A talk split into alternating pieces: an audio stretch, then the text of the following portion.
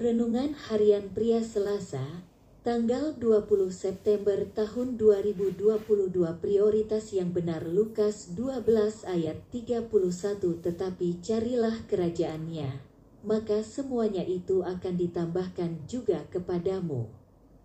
Salah satu sikap yang dapat membuat orang-orang menjadi tamak dan mengumpulkan harta untuk diri sendiri adalah kekhawatiran. Yesus mengatakan, "Janganlah kita khawatir akan hidup kita, akan apa yang hendak kita makan, kita minum, dan apa yang akan kita pakai." Kekhawatiran hanya bisa dikalahkan bukan dengan mengejar uang atau harta tetapi dengan mencari dahulu kerajaan Allah dan kebenarannya. Itu bukan berarti Yesus sedang mengajarkan kepada murid-muridnya termasuk Anda dan saya menjadi orang-orang yang malas yang tidak mau bekerja.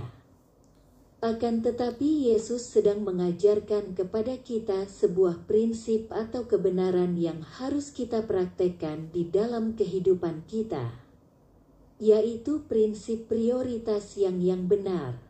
Dengan kita mencari dahulu kerajaannya berarti kita sedang berfokus kepada Tuhan dan bukan kepada harta kekayaan.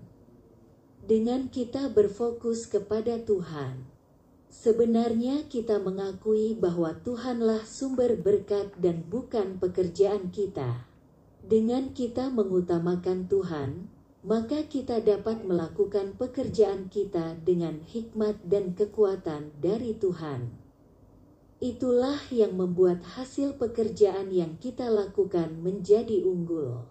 Dan melalui hasil pekerjaan yang unggul itu nama Tuhan akan dimuliakan. Marilah kita praktekkan prioritas yang benar ini setiap hari. Mencari dahulu kerajaan Allah dan kebenarannya, maka semuanya akan ditambahkan kepada kita. Itu artinya Tuhan akan mencukupkan kita dan membuat kita berkelebihan.